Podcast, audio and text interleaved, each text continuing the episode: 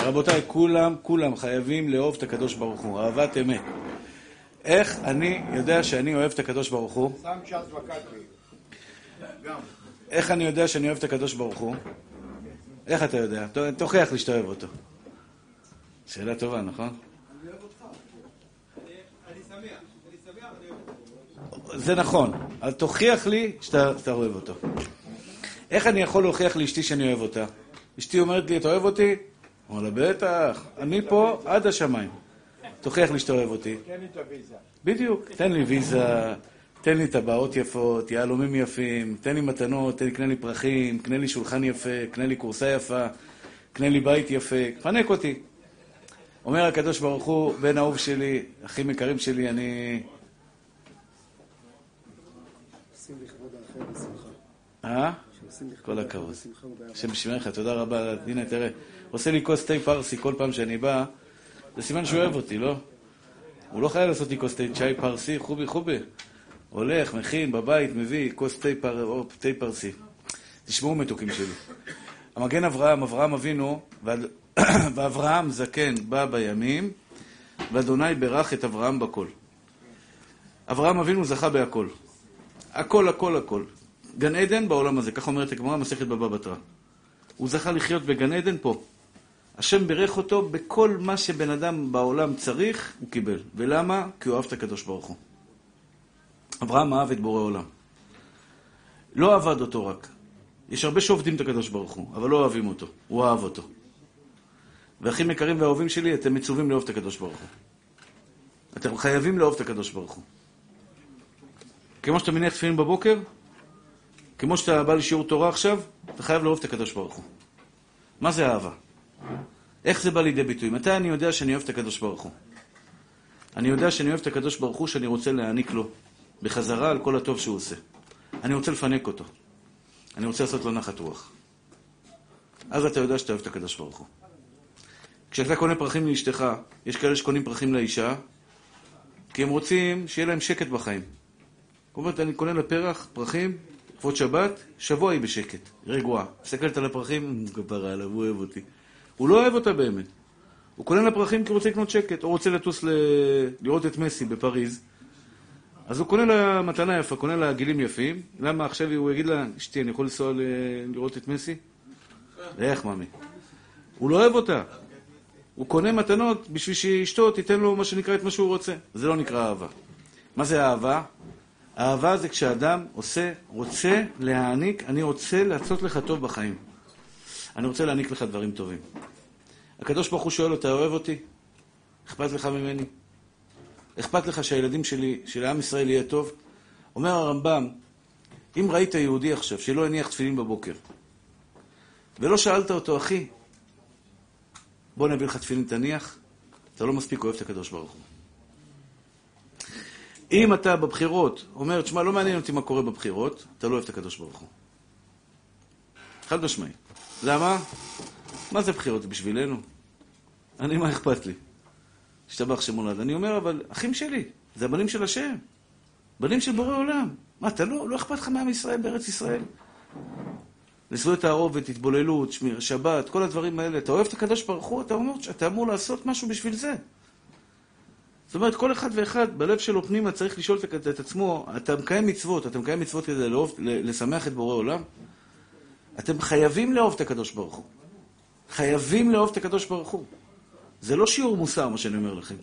יהודי חייב לאהוב את הקדוש ברוך הוא. אתה מגדל ילד לתורה כדי שיעשה נחת רוח לבורא עולם. לא הבאת ילדים לעולם כדי לשחק איתם כדורגל. הבאת ילדים לעולם כדי לגדל אותם לתורה, למצוות, למעשים טובים, ליראת שמיים טהורה, שיהיו עבדי השם אמיתיים. אני רוצה שתהיה שמחה למעלה בשמיים לבורא עולם. שהוא יביא את הגאולה ויביא אותה בגדול, בשמחה, באושר, בנחת, אתה יודע, שלא חס ושלום יהיה חס... דבר מלחמות, לא גוג ומגוג. אני לא רוצה מלחמות, אני רוצה שלום. ולכן אני עושה, נח, אני, אני מוכן להקריב, אני מוכן להקריב כדי לעשות נחת רוח לבורא עולם. ואני אומר לכם, אני הקטן, קטן מאוד. מי שאוהב את הקדוש ברוך הוא, אין סוף לשפע שאלוקים יוריד לו. הקדוש ברוך הוא לא נשאר חייב. הסיפור הזה של השתי מיליון דולר ששמעתם, זה סיפור אמיתי, זה לא, זה לא במסף. אתם יכולים לשאול את הרב דוד פריאוף? זה בן אדם שביום ראשון לא יהיה במיאמי, ואמר לי, בוא עכשיו, יום חמישי, קח מטוס, תהיה איתי שבת. תהיה איתי שבת. עכשיו, שבת איתו זה קירוב לבבות. והוא כבר זרק שיכול להיות שהוא ירצה את השם של הבניין. הוא דתי, הוא אדם מקסים וטוב, זהב טהור, בן אדם ברמה, ברוך השם של זה, והוא זרק לי. שיכול להיות שהוא ירצה לקחת את הבניין בשתי מיליון, את השם של הבניין בשתי מיליון דולר. וזה פחות או יותר, זה לא סכום, חסר לי עוד יותר, אבל אני יכול לסיים את הבניין. מקווה, כל הדברים שצריך לסיים, אני יכול לסיים את הבניין. שבת איתו זה היה קירוב לבבות שהייתי יכול באמת, זה סיפור שחי משלשום. יכולים לשאול את אשתי, אם לא התקשרתי אליה, אמרתי לה, אשתי, תשים ביום חמישי. אבל אז התברר שיש לי שתי שיעורים, לחצו אותי, זיכוי רבים, אה, בחירות, טללים, טללם, טללם, שיגעו אותי, שיגעו אותי, שיגעו אותי, אמרתי, אני מוכן לוותר. אני מוכן להקריב קורבן. יש פה מצד אחד מתנה גדולה שאני יכול באמת, שתעזור לי באופן אישי, זה לא לכיס שלי, שתבינו, אני לא מכניס את הכסף לכיס שלי. זה פשוט לגמור את הבניין ש... שההוצאות בו הם מיליונים. ולעשות את זה בנחת, אתה יודע, בכיף, בלי, בלי, לחץ, אה, בלי לחץ בכלל. אבל מצד שני, הקדוש ברוך הוא אומר לך, הבנים שלי, אני צריך אותך פה. אתם חושבים שאני אפסיד מזה? אבל הבנים של הרב גם יהיו אחרי הבניין יהיה מוכן. לא, זה לא מדויק. זה לא מדויק. את השיעור תורה, את השיעור תורה הזה, אתה, אתה לא יכול להחזיר. יום חמישי בלילה. והחלטה לא פשוטה, באמת לא פשוטה. השקעת על הבניין 35. אבל אם אתה, אם אתה אוהב את הקדוש ברוך הוא, ואתה מחפש, תראה, אני יודע שאת הכסף הזה זה יגיע, אני לא דואג. ואני עושה, ואני אני שואל את עצמי, מה בורא עולם רוצה ממני? מה השם רוצה ממני? מה אתה מבין? אז בעזרת השם יתברך. 35 מיליון דולר השקעת, שקל. שקל השקעת על הבניין. נו, בן אדם לך 2 מיליון, הוא רוצה את השם של הבניין. כן. ומה יחשוב בן אדם בעוד 20 שנה שיגיע? יראה את השם של הבן אדם, יגיד לו, כל הכבוד, הבן אדם הזה בנה את כל הבניין. זה לא הוא בנה את כל הבניין, השם של הבניין. זה משהו אחר, זה לא, זה לא עניין. מה נהיית לי עכשיו, רואה חשבון שלי? ברוך אתה אדוני, אמרתי לך, 2 מיליון דולר מתאים למשהו אחר. אלוהינו, מלך העולם, שהכל נהיה בדברו. טוב, מתוקים שלי.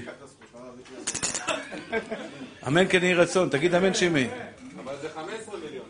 טוב, די, די, די, די. שמעון נותן, יש לו לב זהב, לב טהור, אוהב אותו אהבת נפש. שמעון, תמשיך כמו שאתה מתוק שלי.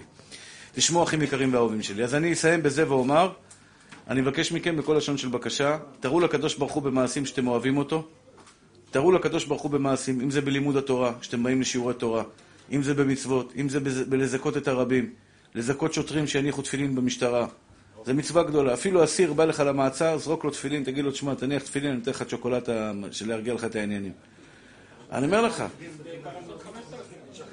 אה, זה פרשת, זה יעשו לו פרשה חדשה.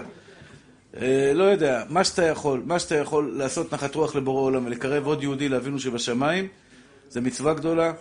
וגם עכשיו, בבחירות, מצווה גדולה להשפיע בעזרת השם, שכוח התורה יעלה למרן רבנו עובדיה יוסף, שעכשיו זה הפטירה שלו, וברוך השם, כולנו חייבים לו את החיים שלנו. עצם זה שאני יושב מולכם היום ו- ולומד איתכם תורה, זה נזקף לזכותו. הוא הרים את הכוח שלנו, הרים את הגב שלנו, הוא פשוט מאוד השפיל אותנו מעפר.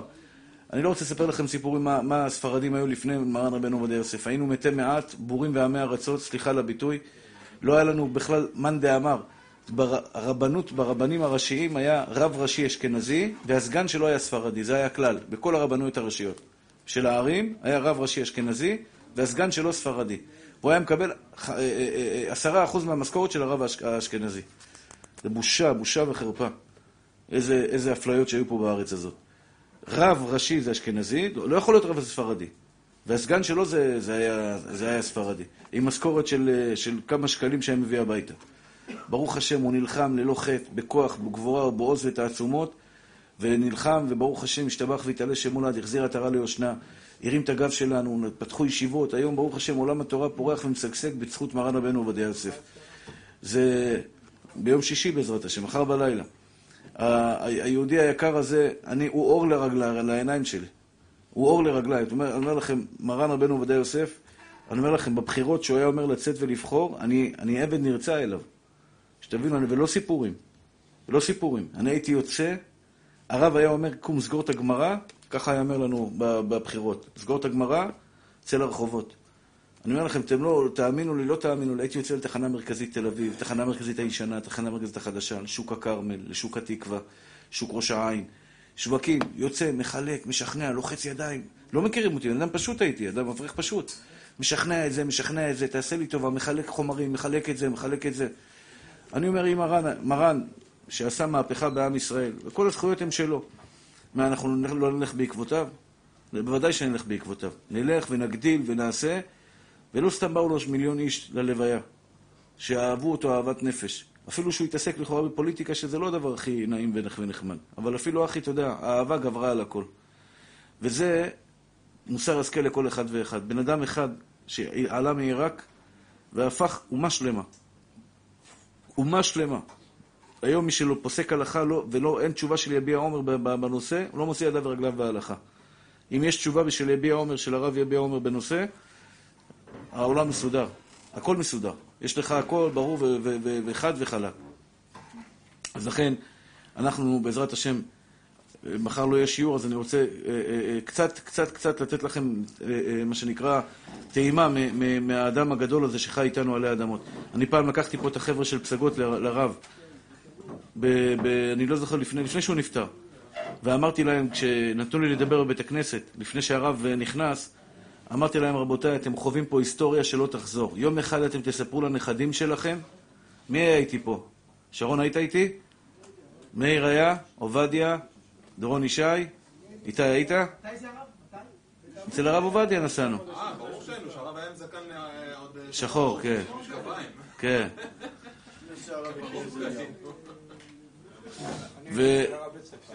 ונסענו, נסענו.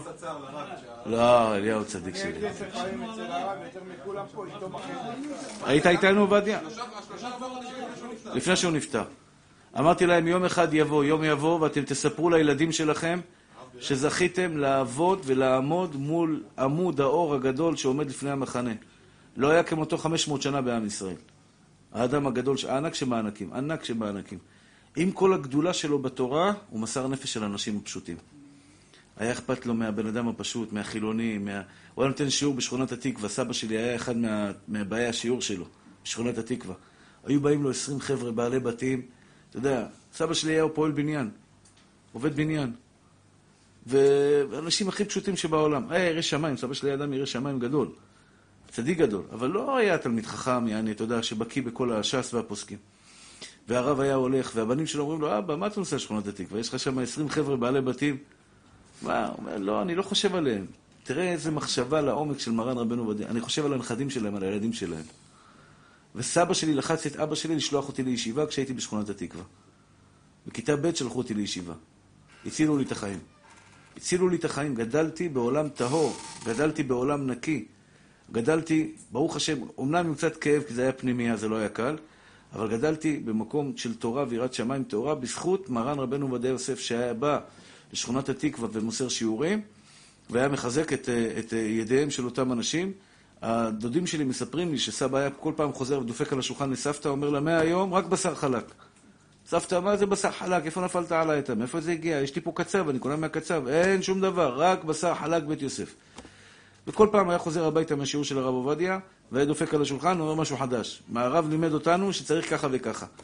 ותראו איזה פירות, איזה פירות ואיזה פירי פירות, השתבח ויתעלה שם הולד. זה אני אומר תמיד, לא להיות אגואיסט. הרב עובדיה היה אוהב ישראל אמיתי. אהבת ישראל בערה בקרבו אהבת אמת. מה זה אהבת ישראל? לאהוב אותך, יהודי יקר, ש...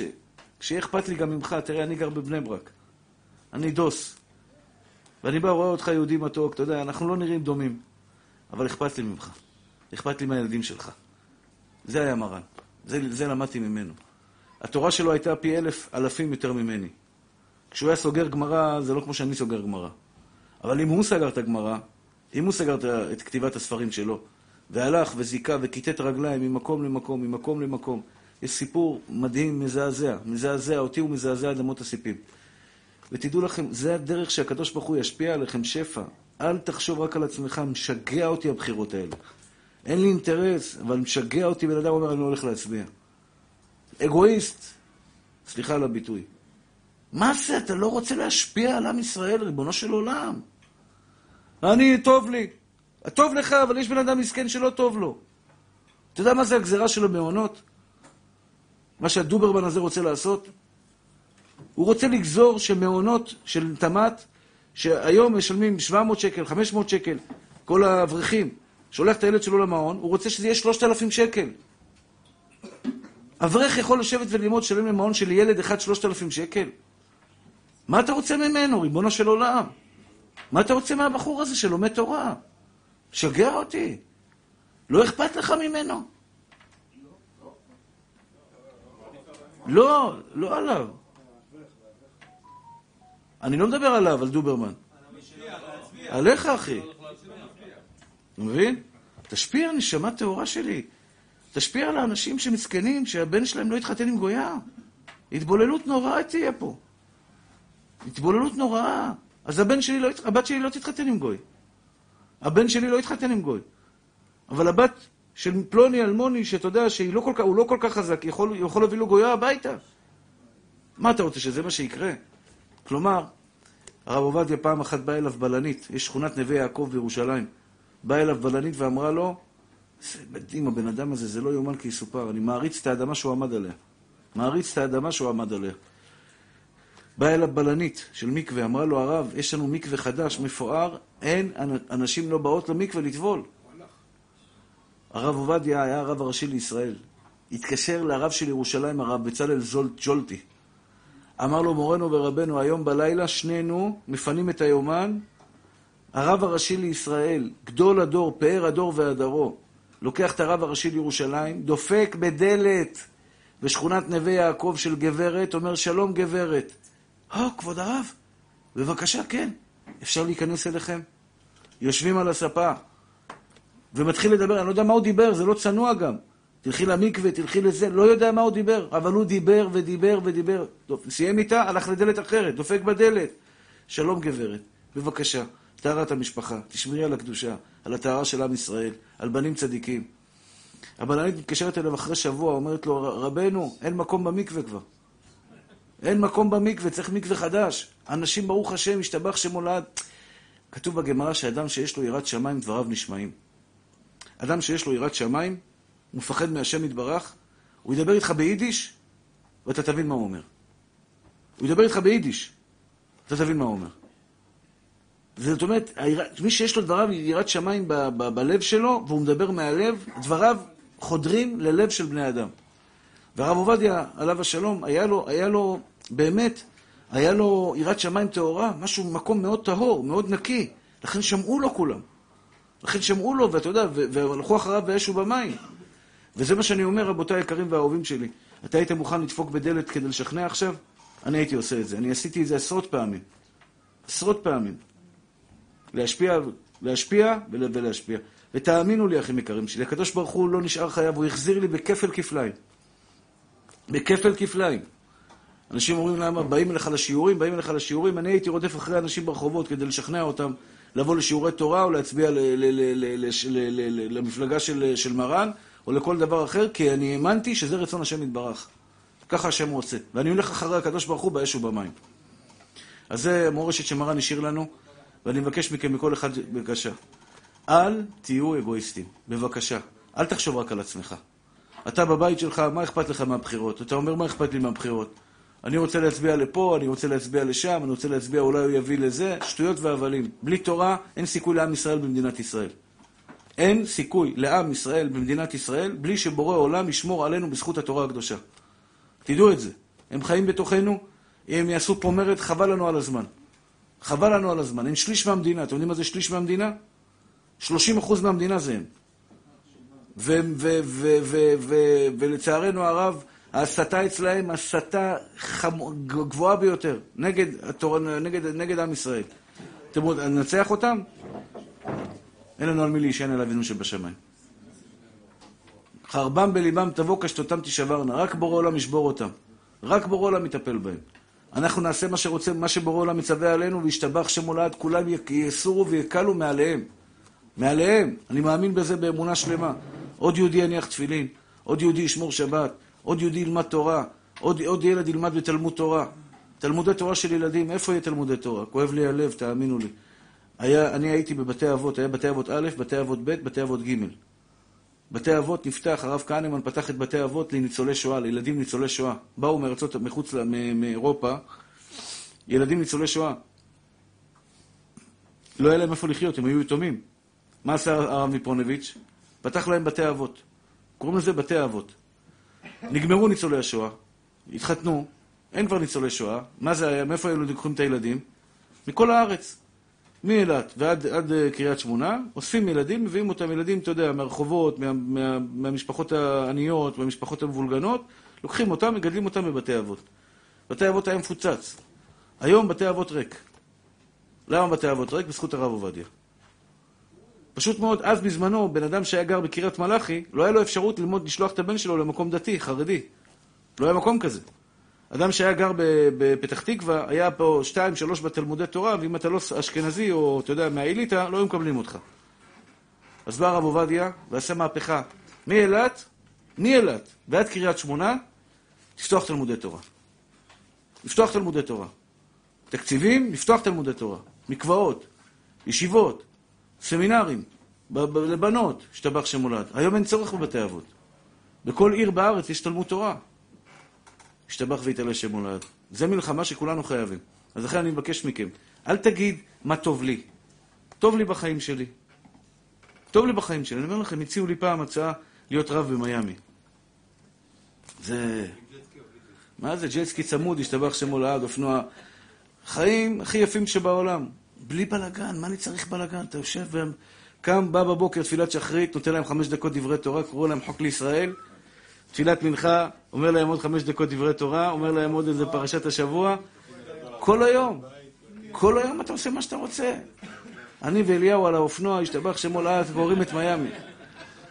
אחים יקרים ואהובים שלי, אומר לך הקדוש ברוך הוא, אתה אגואיסט. אתה אגואיסט, אתה מחפש מה שטוב לך, מה שיכניס לך, מה שיעשה לך חיים נוחים. לא. לא. לא. תעשה מה שהשם רוצה. לך ותקריב את עצמך כקורבן למען הציבור. ת, ת, תזכה, תעבוד קשה. זה לא קל. אני הולך היום לשיעור באיזה, מחר יש לי שני, ברוך השם, משתבח שם הולד. עובד קשה, עובד קשה. בשביל כלום, בשביל גרושים. תאמינו לי גרושים. אבל זה רצון השם. והקדוש ברוך הוא מרעיף עליי, מרעיף עליי, השתבח שם הולד מידו המלאה, הרחבה, השירה והפתוחה, בנשיקות, בנשיקות. ואני מבקש מכם, תהיו כאלה. הלכות בורר. נחזור לעניין של המחילה, מה אני אעשה? הייתי חייב ככה...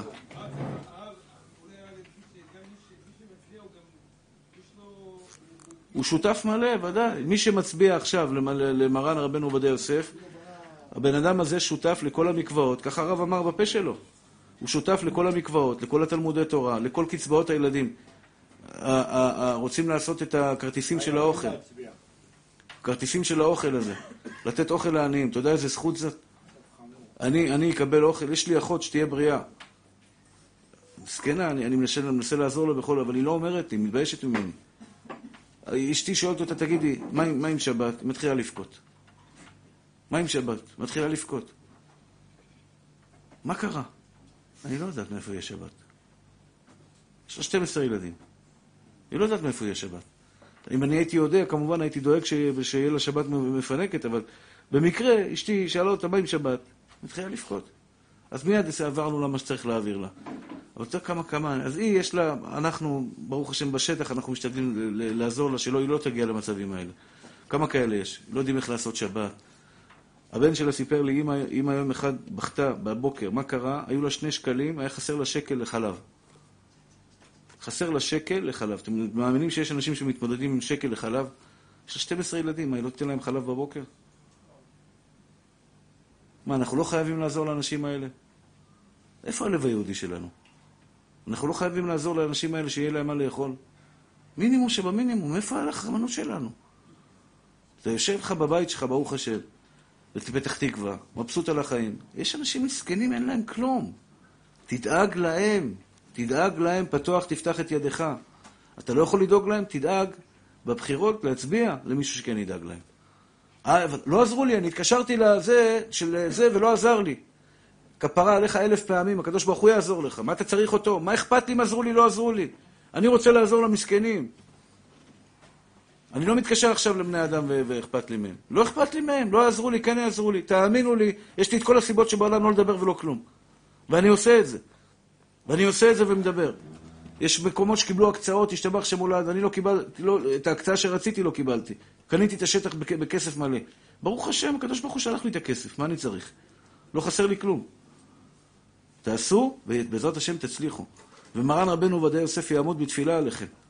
אני אומר לכם, אם בחיים שלו היה מתפלל עלינו, כל שכן במותו, אחרי פטירתו, גדולים צדיקים ממיתתם יותר מבחייהם. יעמוד בתפילה על כל אחד ואחד שעושה למען התורה הקדושה, למען השם יתברך, ושהקדוש ברוך הוא יגדיל תורתו בעולם, שנזכה בעזרת השם לגאולה שלמה במהרה בימינו, אמן ואמן. שלוש תנאים בבורר. כן. שלוש תנאים בבורר. שיהיה מותר...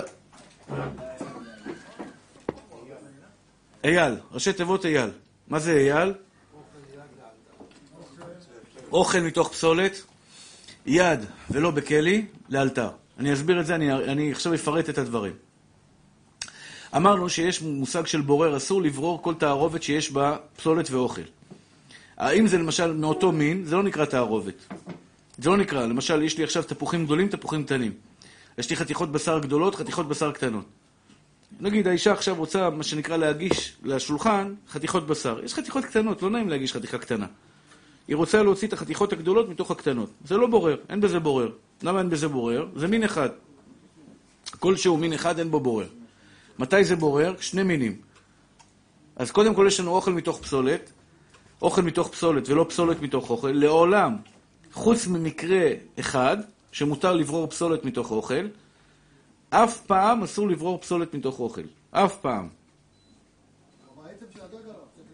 חרצן, מתוך הסלט. למשל, לפעמים אתה סוחט, רוצה לעשות לימונדה.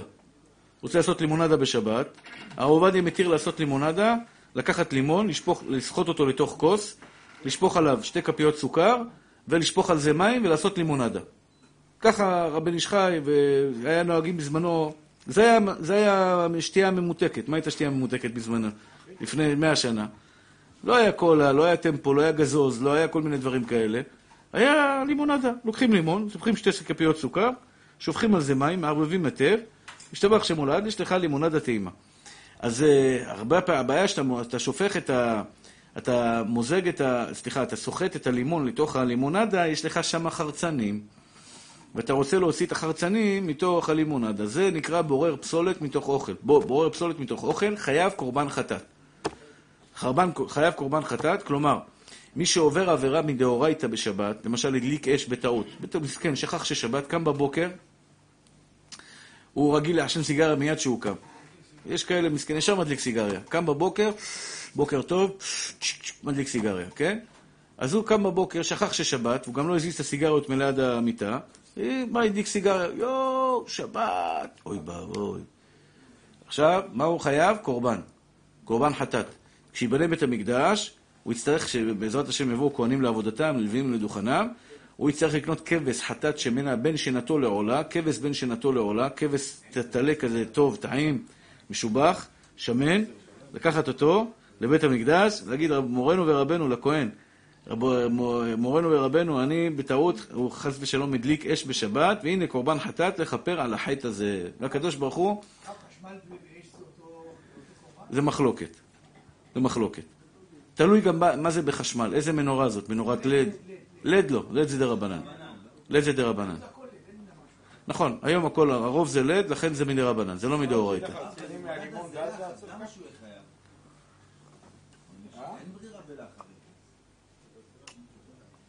יש ברירה בלח, יש. אין ברירה בלח בדברים שצפים על הלך, או גדולים בתוך הלך, אבל דברים קטנים בתוך הלך יש ברירה בלח. שבוע שעבר הסבר, הסברתי את זה, לפני שבועיים. יש ברירה בלח, בדבר שהוא, בדבר שהוא קטן בתוך הלך, למשל... נכון. ביצה בתוך לח אין, אין ברירה בלח. אבל חרצנים של לימון בתוך הלח, זה. יש בלימון, יש אפשרות היום, ראיתי את זה באולמות, שמים לך רשת על הלימון, טכניקה, איך שלא ייפול לך גרעינים על הזה, מביאים לך רשת כזאת על הלימון, ואתה סוחט, והרשת מחזיקה את החרצנים שלא ייפלו למטה. זה גם כן איסור דאורייתא בשבת. כן. זה בורר בכלי בשבת. רגע, להוציא את החרצנים לפני שאתה... נגיע לזה, נגיע לזה בעזרת השם. הרב, להוציא את החרצנים לפני שאתה שם. או, שאלה יפה. שאלה יפה. האם מותר להוציא את החרצנים מהלימון לפני שאני זה? בוא נשאל שאלה יותר, מפתח את השאלה שלך. יש לי אבטיח עם גרעינים. היום ברוך השם אין אבטיח עם גרעינים, אבל יש לי, נניח ונפלת על אבטיח שיש בו גרעינים. אני עכשיו רוצה לאכול את האבטיח, האם מותר לי להוציא את הגרעינים מתוך האבטיח בשבת קודש על מנת לאכול את האבטיח, או שאסור לי להוציא את הגרעינים מתוך האבטיח? או. לא, אז זה, ככה הבן איש חי כותב. הבן איש חי כותב שייתן ביס, יאכל את האבטיח ויוציא את הגרעינים. אבל הרב עובדיה חולק. אומר, מה, אנחנו חס ושלום אה, אה, בהמות, חיות, מכניסים את זה גרעינים, בטעות תבלעת... זה לא דרך אכילה. כשאני בשעת האכילה רוצה להוציא את הגרעינים מהאבטיח ולאכול אותם, מותר לי להוציא את הגרעינים ולאכול אותם. כלומר, דרך אכילה. הכי נורמלי, מה נורמל? כשאתה אוכל אבטיח, אתה מוציא את הגרעינים ואוכל את האבטיח, נכון? זה הדרך הנורמלית לאכול את האבטיח. ממילא באותו, על אותו משקל, גם פה במקרה שלנו. תוציא את הגרעינים ותאכל את האבטיח. בסדר? זה דבר ברור ופשוט. לימון אותו דבר. יש לך לימון, אני רוצה עכשיו לסחוט לימון לתוך... אה, לתוך סלט או לתוך לימונדה וכדומה. מותר יהיה לי סמוך ונראה, מיד, מיד, ממש מיד, להוציא את החרצן על מנת לסחוט את הלימון, שלא יצא לי חרצנים עם הלימון. זה מותר. אבל להוציא את החרצן מתוך המשקה או מתוך הסלט יר... פירות, ירקות, בשום פנים ואופן אסור. כן, נכון, בדיוק. מותר. יפה מאוד. אז אוכל מתוך פסולת, שימו לב רבותיי היקרים. יהיה מותר לי לסחוט את זה על היד, ואז ממילא החרצנים שלי... שאלה יפה. שאלה יפה. לסחוט את זה... לא יד זה לא מסננת, יד מותר. לא משנה, אבל ביד מותר. אה, מותר לברור. ביד מותר לברור. אה, אני דנתי בשאלה הזאת, אני, אני דנתי בשאלה הזאת פעם, שאלו אותי את השאלה הזאת, האם מותר לסחוט על היד? לא, לא, לא, היד לא הופכת להיות כלי. אבל אני אני לא עושה את זה, אני בסך הכל מוציא את האוכל מהפסולת. כן, אז השאלה. יהיה מותר, כן. יהיה? מותר, כן, מותר. כאילו... יהיה מותר, כן. יפה, שאלה מאוד יפה. אסור.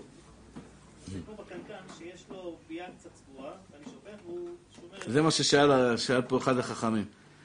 אה, אתה שאלת, כן. מה ההבדל בין רשת? רשת ללימון זה דאורייתא.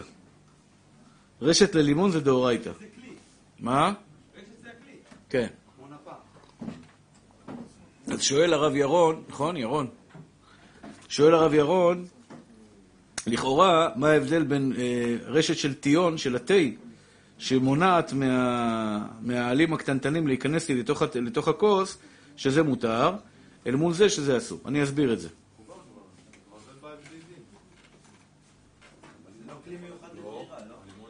למה לא? הרשת שנמצאת בתוך הקומקום? הוא משאיר את התה בפנים, הוא לא מוציא אותו. מחזיק את התה. לא מוציא אותו בא מאה בא אחוז. משהו חיצוני, נשאר בפנים, בתוך הכלי. כן, כן. התשובה היא, בתה, בתה, בסנס של התה, מחכים, בדרך כלל עדיף לחכות, אסור לערבב את התה ולשפוך דרך המסננת הזאת, זה באמת בורר. צריך לחכות שזה ישקע, ואז למזוג את התה. מה, התמצית? התמצית, כן. כשאתה עושה תה, אני לא יודע, היום עושים תה עם שקיות, ושלום על ישראל, מי מסתבך היום עם תה פרסי, תה עיראקי, תה כזה? שמים אה, קומקום קטן? עם אה, תה מעלים? בסדר. אה? אה, עושים את זה לכבוד שבת, באמת? יפה, כל הכבוד. בסדר. אז ה- ה- הפוסקים כותבים, אל ת... בשלב הראשוני, כשאתה מערבב את התה, מכין את התה, אז העלים מעורבבים יחד עם ה... העלים מעורבבים יחד עם התה. אז לא ראוי באותו רגע שזה מעורבב יחד עם התה, למזוג את זה, למזוג את זה אה, אה, אה, כשזה ככה. כי זה באמת תערובת של עלים ומים, והמסננת בעצם עושה לך פעולת צינון בין המים לבין העלים. אז לכתחילה זה אסור. יותר נכון לחכות שזה ישקע, ואז המים צפים למעלה, העלים יורדים למטה, ואז אתה מוזג את זה מכוס התה שלך. מוזג את זה לתוך הכוס. ואז המסננת לא עושה לך פעולת צינון. זה כבר נשקע ועומד, זה, זה שקוע ועומד. הבנתם מתוקים שלי? הבנתם? שיקו. יופי. מכינים את זה לפני שבת. השאלה איך בשבת מותר למזוג.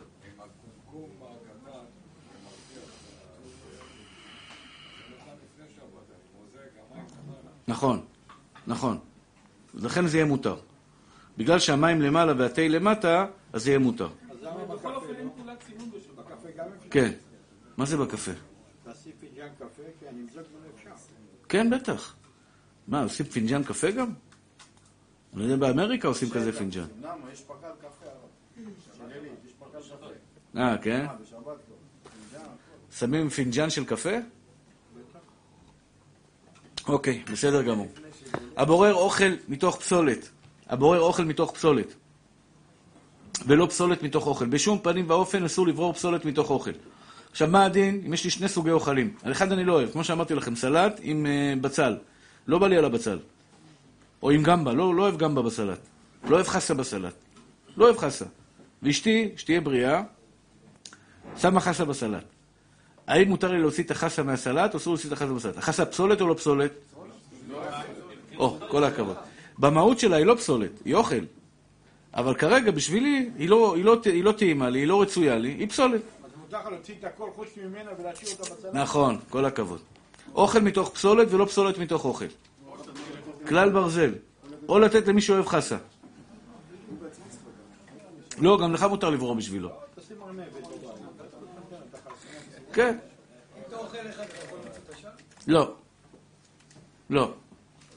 מותר לך להוציא מהצלחת שלך לצלחת של מישהו אחר, אם אתה רוצה למשל, אה, אם אתה רוצה למשל אה, להעביר את הבצל למישהו שאוהב בצל, מותר לך להוציא את הבצל מה, מה, מה, מהתערובת ולתת אותה למישהו אחר.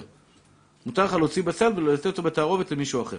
שומים, הרב, שומים, ודאי, לפעמים האישה מעבירה את שלה אליי, כי היא יודעת שאני אוהב את השום. עכשיו, היא לא אוהבת את זה, מבחינתה זה פסולת? אבל בשבילך זה אוכל. לכן זה נקרא שמציע אוכל מתוך, אוכל. אה? מה? יהיה מותר להוציא את השום. כן. כן. למשל, אתה רוצה להוציא את העצם של העוף, לתת אותו לכלב. מותר לך. זה בעיה, זה בורר. זה גם נקרא בורר. ברור, ברור, מיד, לאלתר, זה נגיע עוד מעט. מתי יהיה מותר להוציא פסולת מתוך אוכל? מתי יהיה מותר להוציא פסולת מתוך אוכל? אסור להוציא פסולת מתוך אוכל, זה הכלל. רק אוכל מתוך פסולת. ישנם מקרים בודדים שמותר להוציא אוכל מתוך פסולת. פסולת מתוך אוכל. מה? יום טוב, אתה צודק.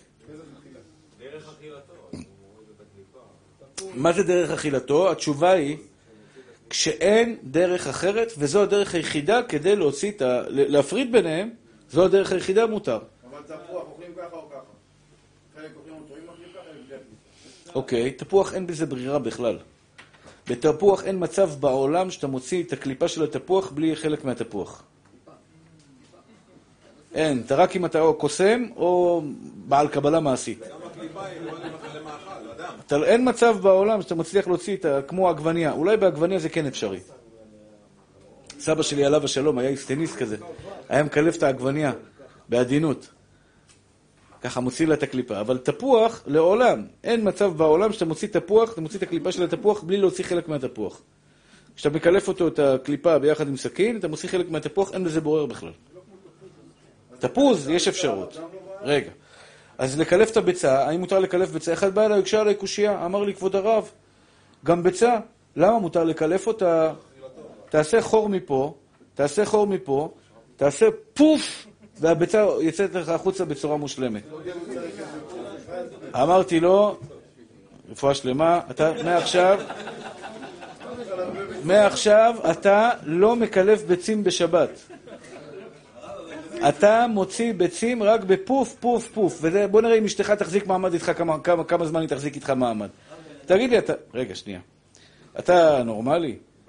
אני, אני עשיתי את זה, הכוונה עשיתי ממנו, הסברתי לו שהתורה לא אמרה לי תתנהג, או שהוא אומר לי תחתוך את הביצה לשתיים ותוציא את הביצה מבפנים. זה גם אפשרות. קח את הביצה, תחתוך אותה לשתיים, ותוציא את הביצה מתוך הקליפה, זה אוכל מתוך פסולת ולא פסולת מתוך אוכל. זה לא דרך. הולכים בדרך של בני אדם. כמו שאמרתי לכם, אבטיח, כמו שהבן איש חי הציע. תכניס את האבטיח לתוך ה... לתוך... במלון זה מאוד שכיח, היום אצלנו במלון. האישה שתהיה בריאה, האמת היא שאנחנו, הפנדים, יושבים בשולחן, מקבלים את כל האוכל אחרי כל הברירות שהאישה עושה במטבח. מסכנה. האישה עכשיו מגישה לך מילון, איך היא פתחה את המילון בשבת? פתחה את המילון, היה לה פסולת בפנים או לא היה לה פסולת בפנים? איך היא הוציאה את הפסולת? איך היא הוציאה את הפסולת? שפכה אותו, לקחה כף, ששש, זרקה אותו לפח, כלומר, היא הוציאה פסולת מתוך אוכל. מותר להוציא פסולת מתוך אוכל, לא אסור להוציא פסולת מתוך אוכל? התשובה היא, כל שדרך אכילתו בכך ואין דרך אחרת, מותר להוציא פסולת מתוך אוכל. למשל, דוגמה, כמה דוגמאות לדבר. לקלף ביצה, מותר לקלף ביצה בשבת לאלתר. לאלתר. לאלתר זה מיד לסעודה. כן. ילדים אוכלים את כל הביצים. לא משנה. האישה עכשיו מגישה את החמין, לא לפני שהבעל מגיע הביתה. כשהבעל מגיע הביתה, היא רוצה לקלף ביצים לחמין, עכשיו תקלפי, תגישי. לא לחכות. לא יותר מזה. כי אם את מחכה זה כבר נקרא, נקרא בורר. הרב עובדיה מאוד מחמיר בזה. הבן איש חי יקל חצי שעה. שעה, חצי שעה, כן. יותר נכון חצי שעה.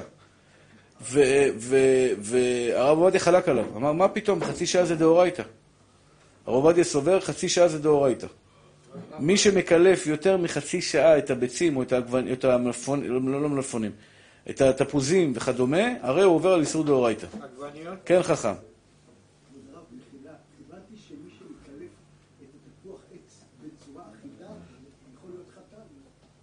נו, בעזרת השם, השתבח שמו לעד, יפה מאוד. כן. איך? כן. כן.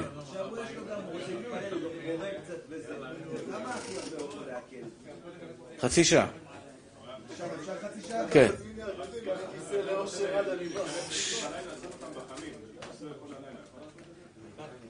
אה, מצד אה, ביצה שעבר עליה הלילה?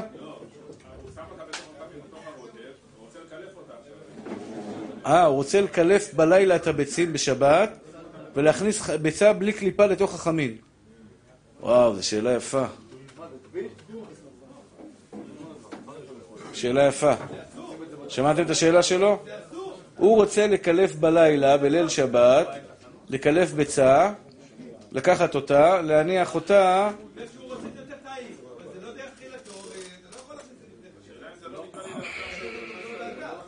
הוא לא אוכל את זה לאלתר, הוא מניח את זה בסיר לאלתר. הוא מניח את זה בסיר לאלתר. אמרנו לאלתר זה לאכילה, אבל זה לא לאכילה וזה לא לאלתר. זה לבוכר. לא, יש מקרים, למשל, אני אתן לך דוגמה. המקרה הזה דומה למקרה אחר. המקרה הזה דומה למקרה שהגברת רוצה לצאת עכשיו עם הילדים לגן, לגן שעשועים. גן ילדים. היא, היא מקלפת פירות, מקלפת קלמנטינות, מקלפת אה, בננות, מקלפת אה, פירות. היא לא משתמשת בזה עכשיו, היא מקלפת את זה על מנת ללכת אחרי זה לגינה. הבנת? זה נקרא בורר לאלתר או לא נקרא בורר לאלתר? התשובה היא, זה לא נקרא בורר לאלתר. זה אסור. הבנתם? זה אסור. למה? כי כרגע, תכלס, לא השתמשו בביצה, בביצה עכשיו. לכן במקרה שלך זה אסור. לא השתמשו בביצה עכשיו. אז לברור חתיכת עוף מתוך העורף ולחמם זה גם לא לאלתר יש. עוף במקרר, הוא שם אותו במגש. עוף ואורז לא מעורבבים. עוף שלם, לא, נגיד, סתם דוגמא, חתיכות בשר מעורבות עם עורף. חתיכות קטנות. אז עכשיו הוא בורר את זה וזה יתחמם עוד שעה, שעה וחצי. הוא גם לא אותו ציור. נכון? זה גם תהיה בעיה. לא, אבל כרגע אתה לא רוצה את האורז. אמרנו כל דבר שאתה לא רוצה נחשב כפ- כפסולת. אתה זוכר? יופי. עכשיו רבותיי היקרים והמתוקים, ששש, מתוקים שלי, כמה, כמה מקרים שיהיה מותר לברור פסולת מתוך אוכל. אז זה כלל ברזל? לא. אסור. אסור. לקלף ביצה שלא על מנת להשתמש בה, אלא רק לחמם אותה, זה אסור. זה בורר. זה בורר קלאסי. זה אסור, זה קרוב לאיסור דאורייתא. קרוב הדבר לאיסור דאורייתא.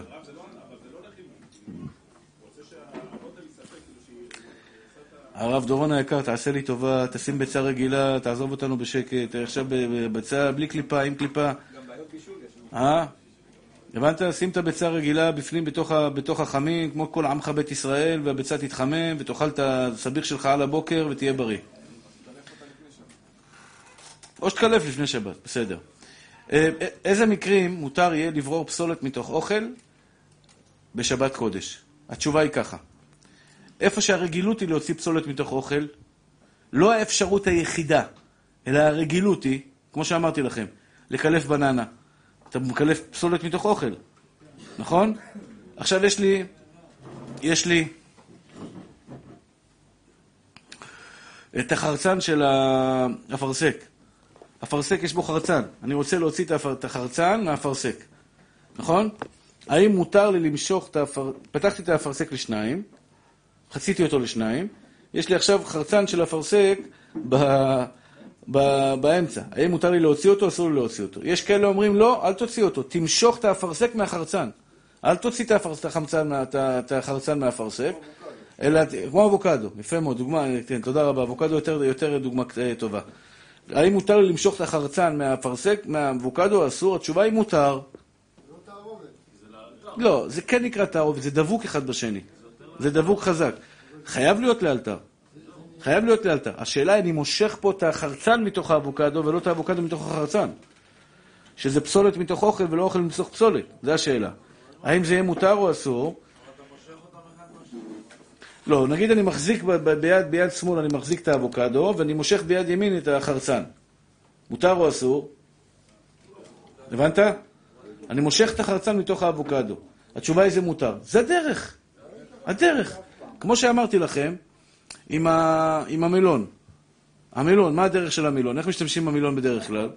לוקחים את המילון, מוציאים את, ה... מוציאים את, החרצ... את הפסולת, מוציאים את הגרעין הזה, את הגרעינים החוצה, ואוכלים את המילון.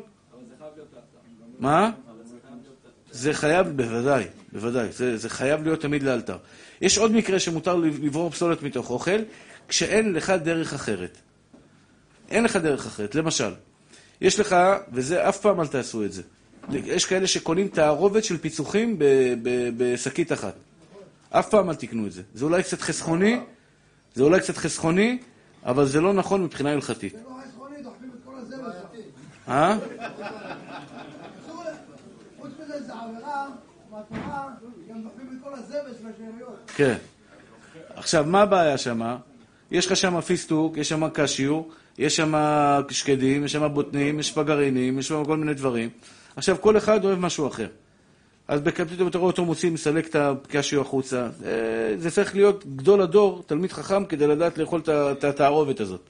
צריך להיות ממש תלמיד חכם. מה להוציא ממה. הרבה פעמים יש לך למעלה שקדים, למטה בוטנים. אבל זה אוכל מתוך אוכל, לא?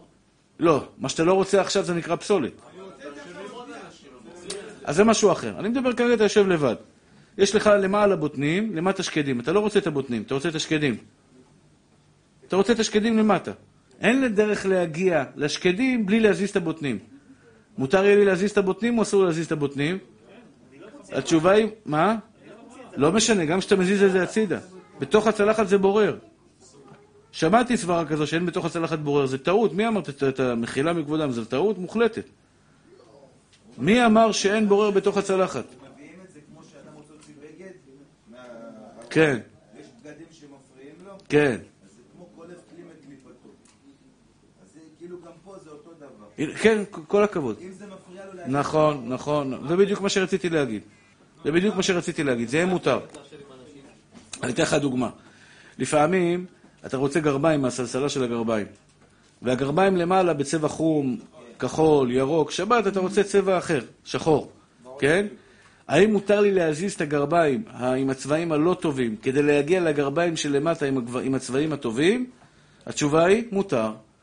כל שאין דרך אחרת אלא להוציא פסולת מתוך אוכל כדי להגיע אל האוכל, יהיה מותר להוציא פסולת מתוך אוכל.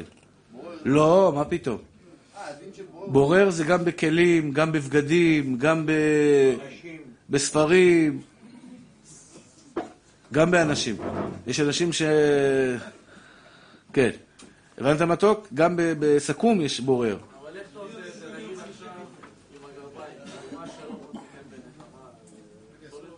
כן, בדיוק. אז מותר לך להזיז את הפסולת כדי להגיע לגרביים שאתה כן רוצה שהם למטה. כאילו לא כן. כן, כן, כן. בסדר, רבותיי היקרים. אני חוזר עוד פעם. אוכל מתוך פסולת. מי שמוציא אוכל מתוך פסולת, אה,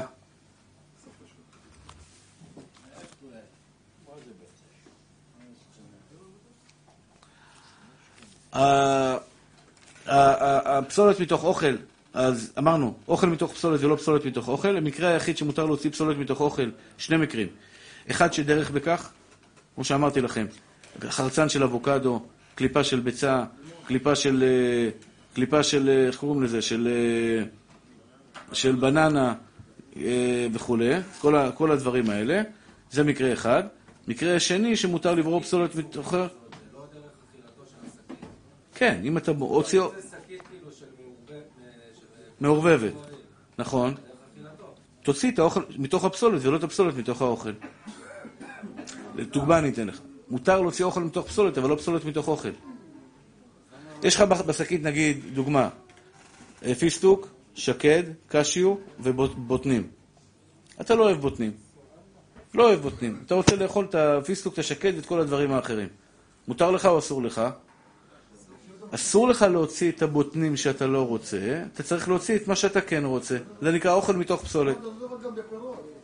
אותו דבר בפירות, כן. גם בפירות אותו דבר. בסדר, רבותיי היקרים. יחד עם אוכל, נכון, יחד עם אוכל מותר, אבל שימו לב רבותיי, שימו לב. יש מקרה שמותר להוציא פסולת מתוך אוכל יחד עם האוכל. למשל, חרצן, אתם חייבים להקשיב לזה, מתוקים שלי. חרצן של לימון נפל לתוך סלט. זה הברוך. זה לא נעים. במיוחד להגיש את זה לאורחים. שאתה בא לאכול את הסלט ונופל לך חרצן שם, זה לא נעים. במיוחד, אתה יודע, אינטליגנטים שמגישים לך את זה הכל בצורה יפה, פתאום אתם חרצנים בפנים, זה לא נעים. איך מוציאים את זה? הדרך היחידה להוציא את זה זה יחד עם אוכל. אבל, תבינו מה הרעיון שמותר להוציא את זה יחד עם אוכל. כשאני מוציא את זה יחד עם אוכל, זה אומר שאני בורר אוכל מתוך אוכל ולא פסולת מתוך אוכל. אבל אני חייב להוציא את כל סביבות החרצן שסביבו סלט, את כל הסלט שסובב את החרצן. מה אני עושה איתו, הזה? תסתדר כבר, בעיה שלך, ממי. לא, מה אם אני זורק אותו, אז הוא פסולת. אז הוצאתי פסולת מתוך... אה, לא, לא, זה לא פסולת, זה אוכל. עוד פעם, שימו לב. החרצן מונח לי בתוך סלט. חשוב לי שתבינו את זה. החרצן נמצא בתוך סלט. כן, עד כאן זה ברור לכם? החרצן יושב, יש לו כמה שכנים. ארבע רוחות השמיים יש לו שכנים, יש לו מלפפון מצד ימין, עגבניה מצד שמאל, בצל מצד למטה וגם במלמעלה. נכון או לא? החרצן עכשיו שנמצא בתוך הסלט, יש לו כמה שכנים? ארבע רוחות השמיים, ארבע רוחות השמיים, למעלה ולמטה שש. יופי, יש לו שישה שכנים. כשאני בורר את החרצן, אני צריך להוציא איתו אוכל. ואם אני מוציא את כל השישה שכנים שלו מסביב, אז מה עשיתי? בררתי עגבניה מתוך עגבניה, ומלפפון מתוך המלפפון, וחסה מתוך חסה, ובצל מתוך בצל, הוצאתי את הכל ביחד, ומילא עשיתי בורר של אוכל מתוך אוכל, וזה מותר.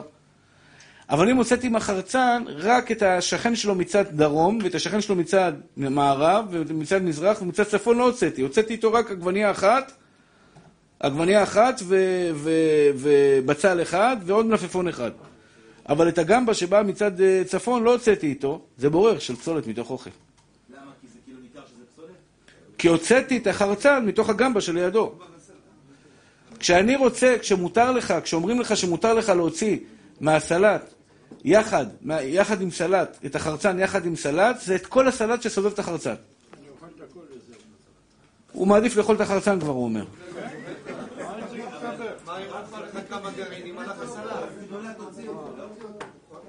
הנה חינמי, יכול להיות שכף גדולה תוציא את זה. להוציא עם כפית, אבל, את כל החבילה שסובבת את החרצן. לא הבנת מתוק? להוציא עם החרצן יחד את כל הסובבים אותו. הסברתי לכם את ה... אין הגדרה, את כל השכנים שלו.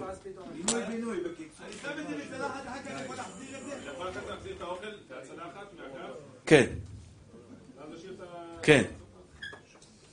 חסכו ואימצו. לא, זה אוכל מתוך פסולת. אני מוציא את הכף יחד עם, ה, עם, ה, עם חרצן, עם סלט. עשיתי בורר עכשיו או לא? לא. זה אוכל מתוך אוכל, הכל בסדר. שם את זה בצלחת. עכשיו אני מוציא מתוך הצלחת את הסלט, שזה אוכל מתוך פסולת, לתוך הסלט, ואוכל אותו לאלתר, אז הכל בסדר. הבנתם מתוקים שלי? והחרצן נשאר לבדו. בדד, בלי עתיד, בלי תקווה, בלי חלום. יפה. בסדר, רבותיי היקרים. אז הבנו פחות או יותר אוכל מתוך פסולת ולא פסולת מתוך אוכל. איזה מקרים יהיה מותר לברור פסולת מתוך אוכל? הלכות לשון הרע. כן.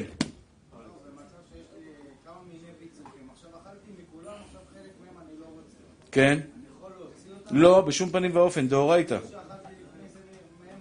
כן, אפילו שאכלת מהם. אם כרגע אתה לא רוצה מהם, זה איסור דאורייתא. טוב, הלכות לשון הרע, רבותיי היקרים והמתוקים והאהובים. התראיינתי פעם לאיזה רדיו, ואמרו לי, הרב, תתקוף את המפלגה הזאתי והזאתי. הם לא מכירים אותי, אני, ברוך השם, משתדל לא לתקוף אף אחד. האם מותר לתקוף מפלגה מסוימת אה, כשהמטרה היא לצורך הבחירות? רק, רק לבחירות. האם מותר לתקוף מפלגה מסוימת? אלא אם כן היא אוכלת כן? אם היא יוצאת נגד תורת ישראל. מה, דיבר על שמעת? זה. מה שהוא אמר הרב? הרב דיבר על זה שהמתמודד יגיד מה אני טוב, לא על ה... נכון. מה אני נותן. אתה מאיים עליי, אליהו? לא כן? לא, אני רוצה להבין, כשאתה אומר מה, מה, מה, אתה חושב שאני אבהל ואני אחזור בי, כאילו? מסקרן אותי. אליהו, אליהו, ממי. רגע, לא סיימתי. ת- תן לי, אתה מתעצבן מעצמך בלי לדעת בכלל... הוא מתעצבן על עצמו והוא רב... בסדר, זה- זה זה עובר. מדברת שלי כבר לא הכל. אין ג'טסקי במיאמי, אחי, זהו. טוב, תשמעו מתוקים שלי. אני, יש מקרים שמצווה לדבר בגנותם של עוכרי ישראל. משנאיך אדוני אשנא, ובתקוממך את קוטט. אתה יודע מה זה? אדם ששונא את הקדוש ברוך הוא. שונא את בורא עולם. שונא אותו. אדם יהודי ששונא את הקדוש ברוך הוא, או גוי, לא משנה. ומחפש רק לפגוע. רק לפגוע. אין לו שום אג'נדה אחרת, לא יודע לעשות כלום. אני רק יודע לשנוא חרדים, יודע לשנוא דתיים, לשנוא את לומדי תורה. זה שונא את הקדוש ברוך הוא, בהחלט. לא משנה. משנאיך השם אשנא. מותר ומצווה, מה שנקרא, לא צריך לקלל. אני לא, לא מכיר את. לא מכיר את השמות. לא צריך לתת להם, צריך לתת להם כף של סחוג, אבל הסחוג אדום, אדום, חריף, חריף, שישרוף להם בכניסה וביציאה, ישתבח שם עולם. אה, לא? איך? תראה, אבל תנו לי לסיים, לא נותנים לי לסיים. אני, מבין שזו נקודה כואבת. אני אומר לכם, בשיטה שלי, זה לא מעניין אותי מי, על מי, מי הבר פלוגתא שלי. אני לא מדבר. לא מעניין אותי אף אחד, מעניין אותי מה אני, מה אני יודע לעשות, מה אני טוב. אתם מבינים? אני לא חושב שהדרך הנכונה להשפיע, להשפיע עליך כדי להצביע למקום טוב, היא דרך זה שאני אלכלך על מישהו אחר. אתה תגיד מה אתה טוב. מה יש לך למכור? אם אין לך מה למכור, אז אתה מתחיל ללכלך על מישהו אחר. יש לך מה למכור? תמכור לי מה אתה רוצה, תשכנע אותי. תשכנע אותי. אל תלכלך על מישהו אחר. בשביל מה ללכלך על מישהו אחר? בשביל מה להרגיל את הפה לקלל? אני ברוך, ברוך השם לא מקלל מעו- לעולם. אפילו אנשים, אתה יודע, שעושים לי הכי רע בעולם, לא מקלל. הקדוש ברוך הוא יודע בדיוק מה הוא יעשה איתם. הוא יטפל בהם. הוא יודע לטפל בהם. לכן אני אומר, גם בתקופת בחירות?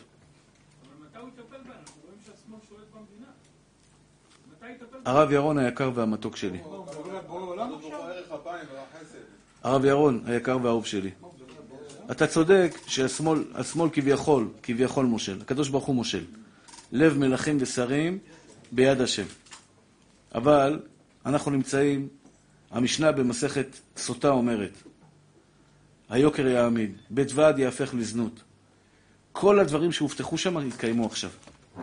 בית ועד יהפך לזנות. אתה מבין מתוק? ואנחנו אין לנו על מי להישען, אלא על אבינו שבשמיים. חכה, סתנא שוואיה יממי. הקדוש ברוך הוא, אתה יודע, מרים אותם כדי להשפיל אותם. להשפיל אותם. וגם כשהימין בממשלה זה לא מי יודע מה. אז הנה, 11 שנה הוא היה בממשלה, מה הוא עשה? לא עשה כלום. דיבורים, דיבורים, דיבורים. נכון, הוא לא עשה את הנזקים שאלו עשו, לא, הוא לא עשה את הנזקים שאלו עשו, אבל גם אתה רואה שהקדוש ברוך הוא מנהיג את העולם. הרב ירון, אל תדאג, מאמי. אפילו בהסתרה שבתוך ההסתרה אומר לך הקדוש ברוך הוא שם נמצא השם יתברך. סבלני, תקבל את זה באהבה, אנחנו בידיים של השם יתברך. בידיים של השם יתברך, וברגע שאתה בידיים של הקדוש ברוך הוא, הכל בסדר. ועכשיו הגענו לשער, לחובת הלבבות, לשער הביטחון.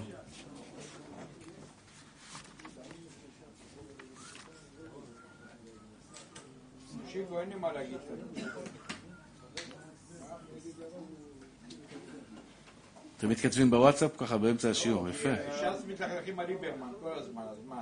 מתלכלכים. אתה מקשה על הרב? לא, אני שואל שאלה. מושיקו, אני אראה לרב ששלחת לי את זה. אין לך אמונת חכמים אתה. אני מאמין, זה מושיקו.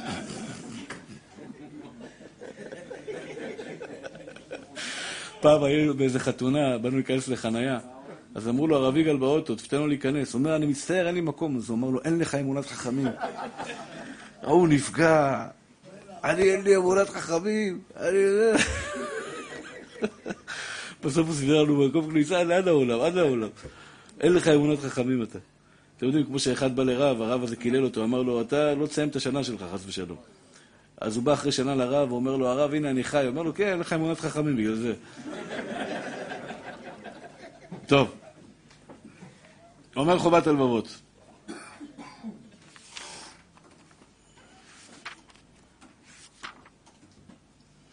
איפה היינו עם האמונה של העולם?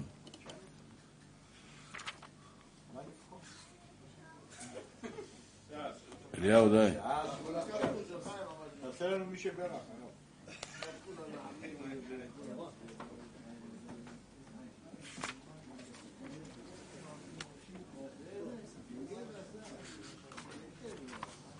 אומר חובת הלבבות.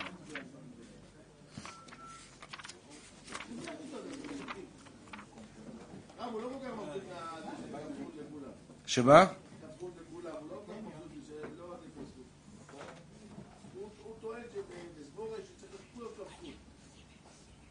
בסדר, יעבור לו, תן לו קצת מים קרים וזה, זה עובר. כף מים, כף מים קרים. תן לו מים קרים, זה יעבור. אומר, אומר חובת הלבבות. ולפעמים הנהגת הבורא יתברך לפרנס ולזון אנשים רבים על ידי אדם אחד. שבורא עולם נותן להם ממון רב והם מפרנסים בו אנשים רבים. הסיבה לכך כדי לבחון אותם אם אנשים עשירים הם עוברים את השם, עובדים את השם יתברך או חלילה עוברים על דבריו. תדעו לכם אחים יקרים שלי, מי שהחלום שלו להיות מיליונר זה שיעשה הטבת חלום. מיליונר גדול, שמעון זה ניסיון, אני מודיע לך מעכשיו. אמן כן יהי רצון. אתה צריך הרבה תפילה, אסמע ממני, אחי. מיליארדר, אני מדבר על מיליארדר, לא מיליונר של כמה מיליונים, זה לא. מיליארדר, תשמע לי, המיליארדרים הגדולים, אתה יודע, אחרי 120, איזה בית דין יחכה להם, אחי? קציצות יעשו מהם. קציצות. ההוא שיש לו 5 מיליארד, 6 מיליארד, 7 מיליארד, יגידו לו, אחי, בבני ברק היה, הייתה אישה אלמנה ענייה, למה לא עזרת לה? מה הוא יגיד? לא ידעת? הוא יודע, טוב מאוד הוא יודע. הוא יודע טוב מאוד שיש עניים, למה לא עזרת להם? חמש מיליארד דולר נתתי לך. אליי ואליך הם לא יכולים לבוא בטענה כזאת. למה? מה, מה- מאיפה יש לי כסף לפרנס את כולם? אין לי כסף לפרנס את כולם. אתה מבין? אבל אדם עשיר, עשיר, יש בו שתי, הרבה ניסיונות. תראה, אם אתה מחזיק את עצמך כאדם חזק מאוד, שיהיה לך יד פתוחה לתת, אבל תדע לך, אח יקר שלי, אתה... הוא מבקש הרב בחינה, הוא מבקש גם- גם עושר וגם שאני אוכל לדקות לאנשים ולתת לאנשים ולצדקות ולחסדים. זה קשה, נשמה טהורה שלי. מיליארד דולר, זה הקדוש ברוך הוא אומר לך, מיליארד דולר נתתי לך. פתח, פתח, פתח. תחזיר את עם ישראל בתשובה, תקנה איזה תחנת טלוויזיה, ת- ת- תקרב את עם ישראל לאבינו שבשמיים, תעשה דברים. אני, הקדוש ברוך הוא, לא יכול לבוא בטענה, בטענות אליי למה אני לא מפרנס את ההוא בעפולה. מה אני יכול לעשות? איך אני יכול להכיל את ההוא מעפולה? אתה מבין? אבל אותו מיליארדר, שהשם נתן לו מיליארדים, הקדוש ברוך הוא בא אליו, אומר, לתת לך מיליארדים, יש לך בן אדם, חיתנת ילדים, עשית הכל, יש לך מטוס פרטי, יש לך זה, יש לך זה, יש לך זה. למה הבן אדם בעוני? זה ניסיון אחד. לכן אני אומר, תמיד, תמיד, תמיד, תתפלל להיות עשיר השמח בחלקך. או שאתה מכיר בעצמך, שאתה תיתן. שאתה תיתן. כלומר, אם אתה יודע בלב שלך פנימה, אתה יודע מה זה תיתן? שאחרי 120 אתה כמעט ולא משאיר ירושות לילדים שלך. בטח, בטח, ודאי. מרן כותב שייתן כפי היכולת שלו. יותר מחומש? בטח, מה זה חומש? אדם שמרוויח 100, 100 מיליון דולר ב- בש- ב- ב- בחודש. 100 מיליון דולר בחודש. יש לו רנטים, שכירויות של 100 מיליון דולר בחודש. למה הוא צריך 100 מיליון דולר בחודש? מה, אתה לא יכול לתת 50 מיליון דולר לצדקה? אתה לא יכול לחיות ביותר מ-50 מיליון דולר. גם אם תצוץ במטוס כל יום, מטוס פרטי, ותגור, אתה לא צריך יותר מ-50 מיליון דולר. למה לא תיתן? לרב שטיינמן, בטח. לא נתתם מספיק. עכשיו, שתבין, כל עני שבא אליך, היום, אני, ואתה יודע כמה אנשים באים אליי? מסכן, רב אחד, לא משנה מאיזה עיר. מישהו עקץ אותו ב-100 אלף שקל. והוא בא לי, הוא אומר לי, הוא מתחיל לבכות, הוא בא עם אשתו. מישהו אמר לו, הרב יגאל, לך לרב יגאל, הוא יעזור לך. אני הפניתי אותו למישהו שאני מכיר, שאולי הוא יעזור לו. אבל ביני- בינינו, אני יכול לעזור לו עכשיו ב-100 אלף שקל? אבל אם יש לך, הקדוש ברוך הוא יגיד לך, למה לא עזרת לו ב-100 אלף שקל? כל אחד שידפוק לך על הדלת, אתה חייב לתת לו. כל ראש ישיבה שבא אליך, אתה חייב לתת לו. מה עושים, אתה יודע מה עושים שימי רב, אה, מה עושה אה, אה, צדיק, עשיר שהוא צדיק? ממנה רב. ממנה רב. על הכל. כן. אתה אומר לרב, הרב, הנה זה ההכנסות שלי בחודש, 20, 20, אלף- 20 מיליון דולר, תגיד לי כמה אני לוקח הביתה, כמה אני נותן לאחרים. זה צדיק. אבל זה קשה, אחי. פתאום הרב חותם לך על צ'קים, משאיר לך מיליון דולר בקופה. רבי, בוסי גישנט, מה עשית לי? אומר, זה מה שמגיע לך, אתה תסתדר מיליון דולר. קח רב, שיעשה את זה. אדם ניומן, יש אחד עשיר גדול, אדם ניומן של ווי וורק, הוא התחזק מאוד, הוא שומר שבת וכולי. סיפר לי רב אחד שהוא לקח, הוא לקח אותו בתור רב, הרב האישי שלו, אומר לו, אתה תבוא לכל העסקים שלי, תלווה אותי, תגיד לי מה אני צריך לתקן, מה אני צריך לתת, מה אני צריך לעשות, אתה, מה שאתה אומר, אני, אני עושה. אה? כן. השם ייתן לכם ברכה והצלחה בכל מעשה ידיכם. יש פה, יש תלמיד פה בפסגות שהמצב הכלכלי שלו מאוד קשה. נא לגשת לאיתי ולתת לו בעזרת השם ביד רחבה, כדי שהקדוש ברוך הוא יחזיר לכם מידו המלאה, רחבה, שירה והפתוחה. ברוך אדוני לעולם, אמן ואמן. לבוא לשיעורים, רבותיי, להמשיך לבוא לשיעורים. רבי חנן בן אומר, רצה הקדוש ברוך הוא צדקות שרף שככה בעל התורה מצוות שנאמר. חפש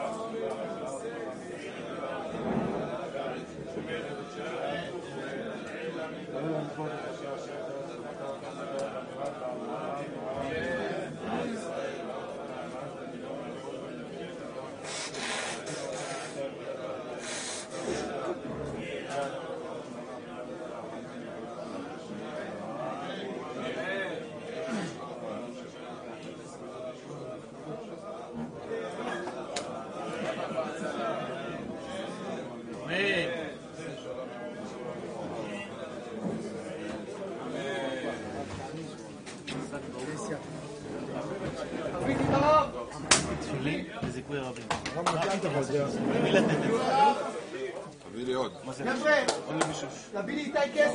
אולי לארגון, שמניחים, להידברות, למישהו פרטי שלא זה. הכי טוב זה מי שאין לו תפילין. מישהו פרטי, בן פרטי. או, מקום שהם מניחים כל היום, לאנשים. אם זה, תבדוק שהעמדה במקום טוב, אז ניתן, כן. הרב יש לו מונית אבל. הרב הוא רוצה לדבר עם הרב, הרב ייתן דקה. לא, לא, אני באתי לשעתיים.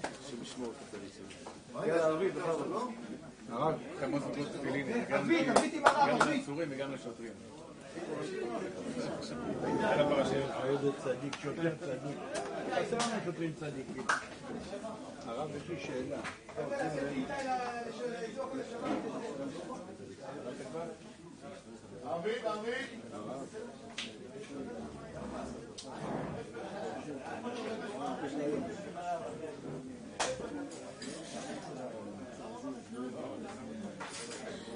לו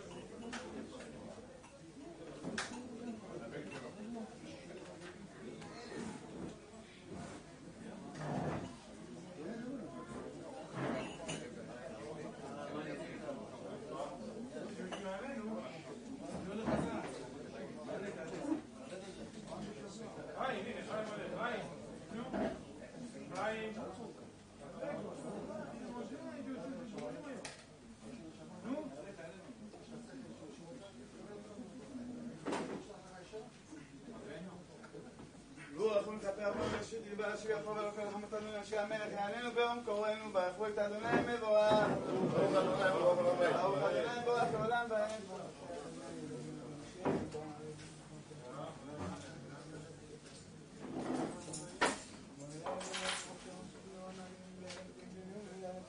ברוך אתה אדוני המערים הערבים אהבת עולם בית ישראל אשר לא מצא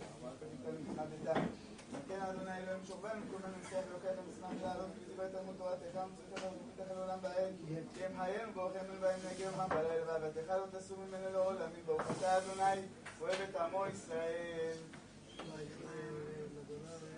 מה ישראל?